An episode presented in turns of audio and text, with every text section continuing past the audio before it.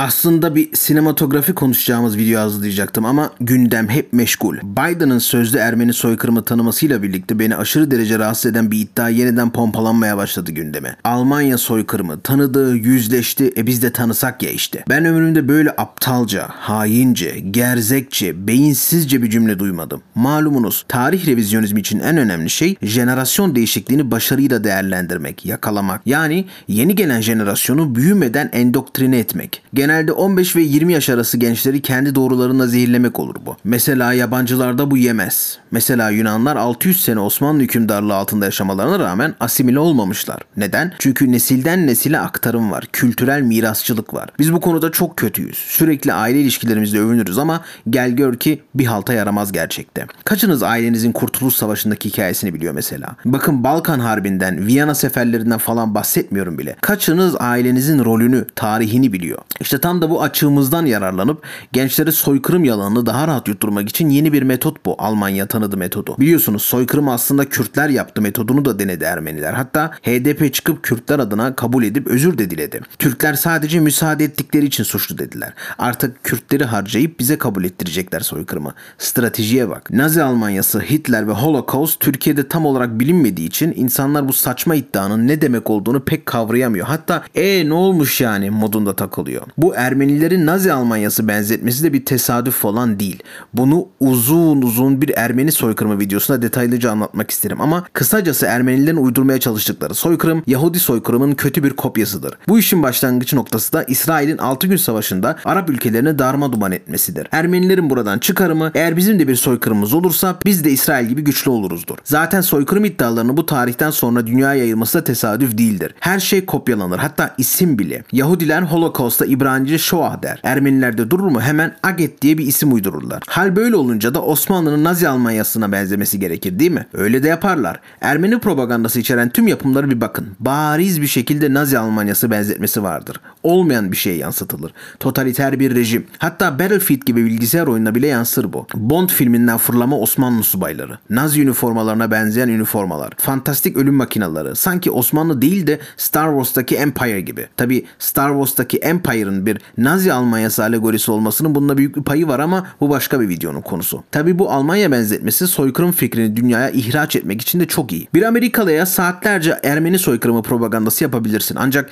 bir Nazi Almanya benzetmesi yapınca ampul yanar ve aa agaret der. Çünkü dünya halklarının hafızasına adeta bir prototip gibi kazınmıştır Almanların yaptığı bu vahşet. Tabi bu işin sebebi, ideolojik sebebi. Şimdi iddianın kendisini verilerle çürütmek gerek. Zira ne kadar absürt olursa olsun görmezden gelirsen bir cahillik bataklığında mayalanır böyle fikirler. Büyür, büyür, büyür sonra da baş edemeyecek hale gelir. Tabi bu iddia 3 noktadan oluşur. Birincisi Almanlar tarihiyle yüzleşti, barıştı iddiası. İkincisi biz de aynısını yapmalıyız iddiası. Üçüncüsü biz soykırım yaptık ve bu Holocaust'a benzer bir şeydi iddiası. Almanlar kendileri gerçekten yüzleşti mi?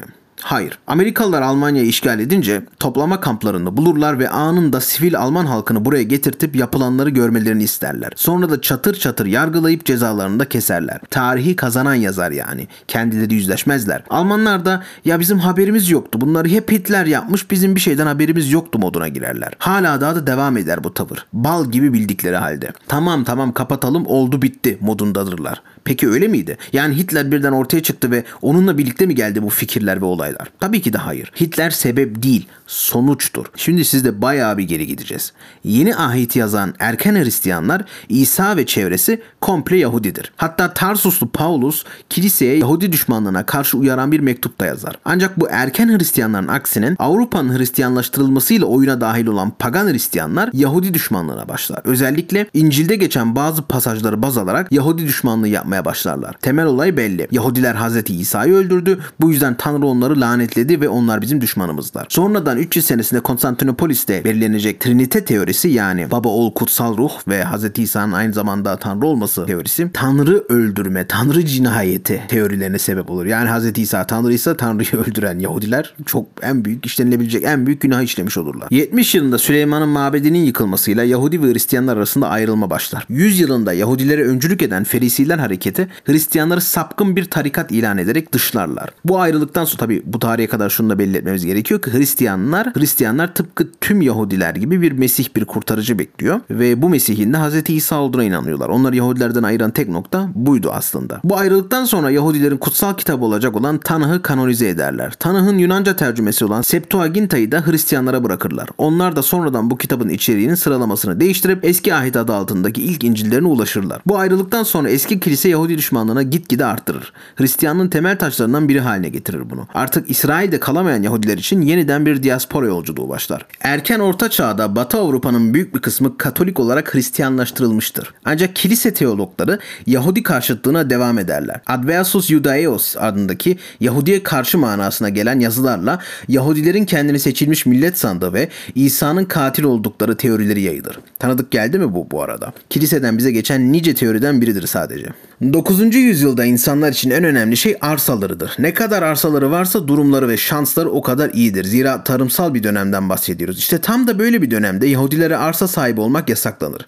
Şehirlere göçmek zorunda kalırlar. Burada da politika yapmaları yasaklanır. Asilliğe yükselmelerine izin verilmez, şövalye olmaları da yasaktır. Bu sefer Yahudiler zanaatkarlığa yönelmek ister. Ancak burada da zanaatkar Hristiyanlar onları dışlarlar. Hatta bunu da yasaklarlar. Yahudilere sadece önemsiz ticaret, rehincilik ve kredi verme işleri kalır. Tabi bunu yaparken faiz almalarına izin verilir.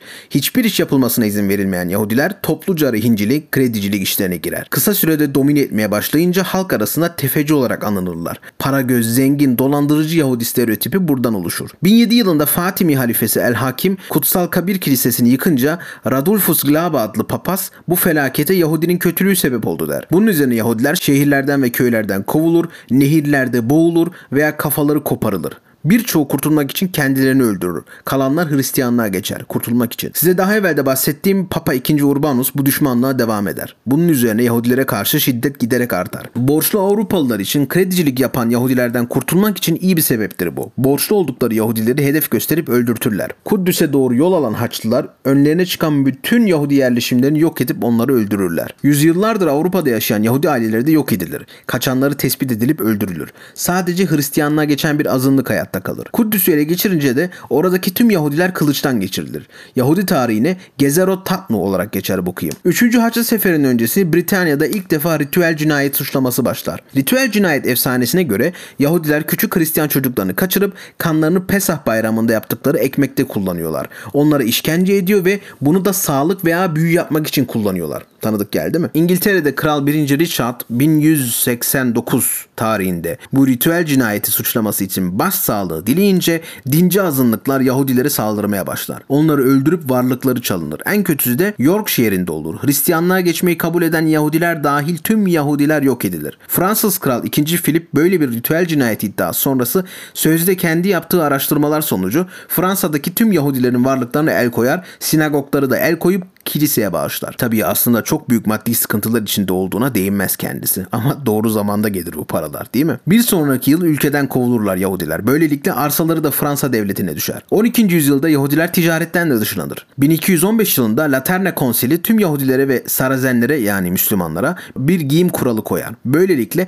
karma evliliklerinin önüne geçilecektir. Ayrıca Yahudilere kurumsal mevkiler yasaklanır. İlk Yahudi gettoları da bu tarihte kurulur. 15. yüzyıldan sonra Yahudilerin şapka giyip sarı bir yüzük takmaları emredilir. Böylelikle Yahudi oldukları toplum tarafından daha iyi anlaşılır. 1452 yılında neredeyse tüm şehirlere Yahudi gettoları yapılır. Bu gettolar ve Yahudi sokağı anlamına gelen Judengaseler duvarlarla çevrili bir yerleşim alanıdır. Geceleri de kapıları kapatılır. Böylelikle tamamen şehirden ayrılmaları sağlanır. Bu Judengaselerdeki evlerin bu arada numaraları falan da yok. Sadece önlerinde boyanmış işaretler var. Zaten mesela hepinizin tanıdığı Rothschild ailesi de Frankfurt'un Judengasesi'nden gelirler. Kaldıkları evde kırmızı işaretlendiği için Rothschild den gelir isimleri. Yani soyadları bile yoktur aslında. Tabi o da bütün Yahudiler gibi tefecilik ve bankacılık işiyle uğraşmak zorunda kalır. Yahudilere karşı toplumsal linçler, satanizm ve büyücülük suçlamaları böyle başlar işte. Ancak aydınlanma çağı da fayda etmez buna. Bu dini Yahudi düşmanlığının yerini bilimsel düşmanlık alır bu sefer. Yahudiler bir ırk olarak tasvir edilmeye başlanır. Sosyal Darwinizm de etkisiyle bu düşmanlık çığ gibi büyür. Örneğini size dönemin yaşamış ünlülerinden vereceğim. Mesela Immanuel Kant. Yahudiler için toplumun vampirleri der. Tefeci ruhları yüzünden haklı olarak dolandırıcı namlara oluş oluşmuş, üstün Hristiyanlığa biat etmeleri gerekmektedir demiştir. Ancak o zaman vatandaşlık haklarına kavuşabilirlermiş. Yapmayanlara da iyi bir ölüm diliyor kendisi. Johann Gottfried Herda'ya göre Yahudiler bozulmuş, şerefsiz, etik değerleri olmayan ama düzeltilebilir varlıklardır. Yahudilerin diasporada olmalarını da devlet olamama beceriksizliğine bağlar. Kendisine şu çokça kullanılan cümle ait. Juden seien seit Jahrtausenden eine parasitische Pflanze auf den Stämmen anderer Nationen. Yani Yahudiler binlerce yıldır başka milletlerin kütüklerinde büyüyen paraziter bir bitkidir. Bunu sonra Naziler çok kullanacaktır. Milli ve kültürel entegrasyon için dinlerinden vazgeçmeleri gerekiyor der. İşte böyle bir ortamda Naziler başa gelir. Kaybedilen Dünya Savaşı ve halkı perişan eden krize çözümleri bellidir. Yahudiler bize ihanet ettiği için savaşı kaybettik ve Yahudiler faizleri düşürmüyor diye krizle uğraşıyoruz derler. Ve halkta bu fikirler filizlenmeye başlar. Kısa zamanda başa geçerler ve hepinizin bildiği o dönem başlar. Önce Yahudilerin haklarını tamamen ellerinden alırlar. Sonra hepsine tek bir isim verilir. Sonra varlıklarına el konur. Nürnberg yasaları çıkar ve sonra da sistematik bir şekilde avlanır, kamplarda toplanıp yok edilirler. İnsanlık tarihinin görmüş olacağı en vahşi olay olan bu kıyımı anlatmak için size şöyle bir örnek vereyim. Tabii bunu yapmak için de Goebbels çok başarılıdır. Yahudileri demonize eder. Yani insanlıktan çıkarır. Anlatırken kullandığı kelimeler hatta propagandaları için Naziler bir sürü kelime türetmeye başlar. Sırf insanları daha fazla aşağılamak için ve insanlıktan çıkarmak için. Böylelikle onlara karşı yapılan zulümler, vahşetler, katliamlar halk tarafından çok daha rahat kabul edilir. Toplanan Yahudiler trenle Dachau kampına getirilir. Korkuyla inen kadınları, çocukları, yaşlıları Nazi komutanlar karşılar. Kampa hoş geldiniz, burada rahat edeceksiniz denir. Böylelikle korkudan titreyen insanlar biraz olsun rahatlar. Şurada toplu halde duş alacaksınız. Temizlendikten sonra kampa geçeceksiniz derler. Aylardır belki de yıllardır duş alamamış Yahudiler buna sevinir. Çoluk çocuk odalara dolarlar. Ancak girdikten sonra bir şeylerin ters gittiğini anlarlar. Ama iş işten geçmiştir. Banyodur bu odalar gerçekten ama gaz banyosu. Çığlık çığlığa bağıran Yahudiler gazlanır. Anneler çocuklarını kurtarmak için kapıları adeta tırnaklarıyla kazırlar. Hatta parçaları hala kapıda durur bugünlerde. Ancak nafile. Ve Naziler bu prosedürü her gün defalarca bunu da yıllarca sistematik bir şekilde uygularlar. Yok ettikleri Yahudileri de gururla not alırlar. Titizlikle kitap tutarlar. Yetmezmiş gibi direkt öldürülmeyen ama kamplarda çalıştırılan Yahudilere yaptırırlar bu temizlikleri. Temizletirler cesetleri. Düşünsene kendi ailen belki o gaz odalarında ve sen cesetlerini temizleyip üzerindeki varlıkları çalıp yok etmek zorundasın. Peki Osmanlı'da böyle miydi? Tek bir Hristiyan ve Ermeni karşıtlığı var mıydı? Motif, altyapı ve ideolojik temel var mıydı? Dünya Savaşı'ndaki tecirlerde saldırıya uğrayan Ermenilerden elbette ölen ölenler oldu, katliamlar oldu. Ancak bunu Holocaust'a denk tutmak nasıl bir akıl tutulmasıdır? Almanların da işine geliyor bu. İlk defa bir Alman Cumhurbaşkanı konuşmasında Steinmeier'den bahsediyorum. Ermeni soykırımı olmasaydı asla Yahudi soykırımı olmazdı dedi. Bak bak cahilya millet kandır. Hitler Osmanlı'yı örnek almış o yüzden Yahudi soykırımını yapmış. Bunu bir konuşmasında söylemiş. Kaynak götüm. E yüzyıllardır boyu süren bu sosyo-kültürel düşmanlık ve baskı ne olacak? Ya orayı karıştırma mein Freund. Size daha da enteresan bir şey anlatayım mı? 15. yüzyılda İspanya'dan birçok Yahudi'yi kurtarır Osmanlı. İmparatorlukta azınlıklara karşı tolerans vardır. Ancak Yahudilere karşı bu ritüel cinayet suçlamaları burada da başlar. Suçlamaları yapan Ortodoks Hristiyanlar yani Ermeniler ve Yunanlardı. Sebep de tüccar ve zanaatkar olan Yahudileri kendilerine rakip görmeleriydi. 1800 yılına kadar devam eder bu suçlamalar. Ancak Türk devleti Yahudi azınlığını korur ve onlara baskıya müsaade etmez. Ancak 1830 ve 1860 arası 80 tane böyle suçlama olur. Çoğunluğu da Akdeniz sahilindeki şehirlerden. Sebebi bölgedeki Yunanlar. Dışarıdan aşılanmaya çalışan bu Yahudi karşıtlığına Müslümanlar kanmaz. 1803 yılında Yahudilik ve geleneklerin çürütülmesi adı altında bir belge yayınlanır.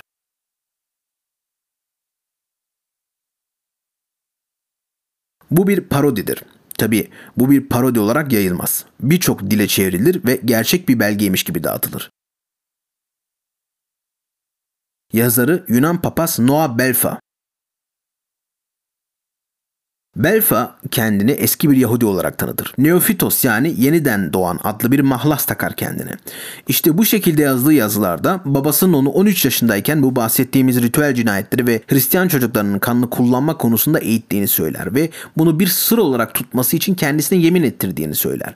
Sadece çocuğunu aktarmasını emreder. Tabi zaten böyle efsanelere inanan halkta nasıl bir olguya yol açtığını tahmin edebilirsiniz bunu. 1870 yılında Yunanların baskısıyla İstanbul'daki Yahudi tüccarlarının çuvalları açılıp kontrol edilir. Çünkü Yunanların iddiasına göre çocuk vardır içlerinde. 1872 yılında İzmir'de Yahudilere karşı bir pogrom başlatır Yunan ve Ermeniler. Marmara bölgesinde bir sinagog yine bu gruplar tarafından yakılıp yıkılır. 1874'te İstanbul'da yeni bir pogrom yapmaya çalışan Yunan ve Ermeni dincileri Türk polisi son anda durdurur.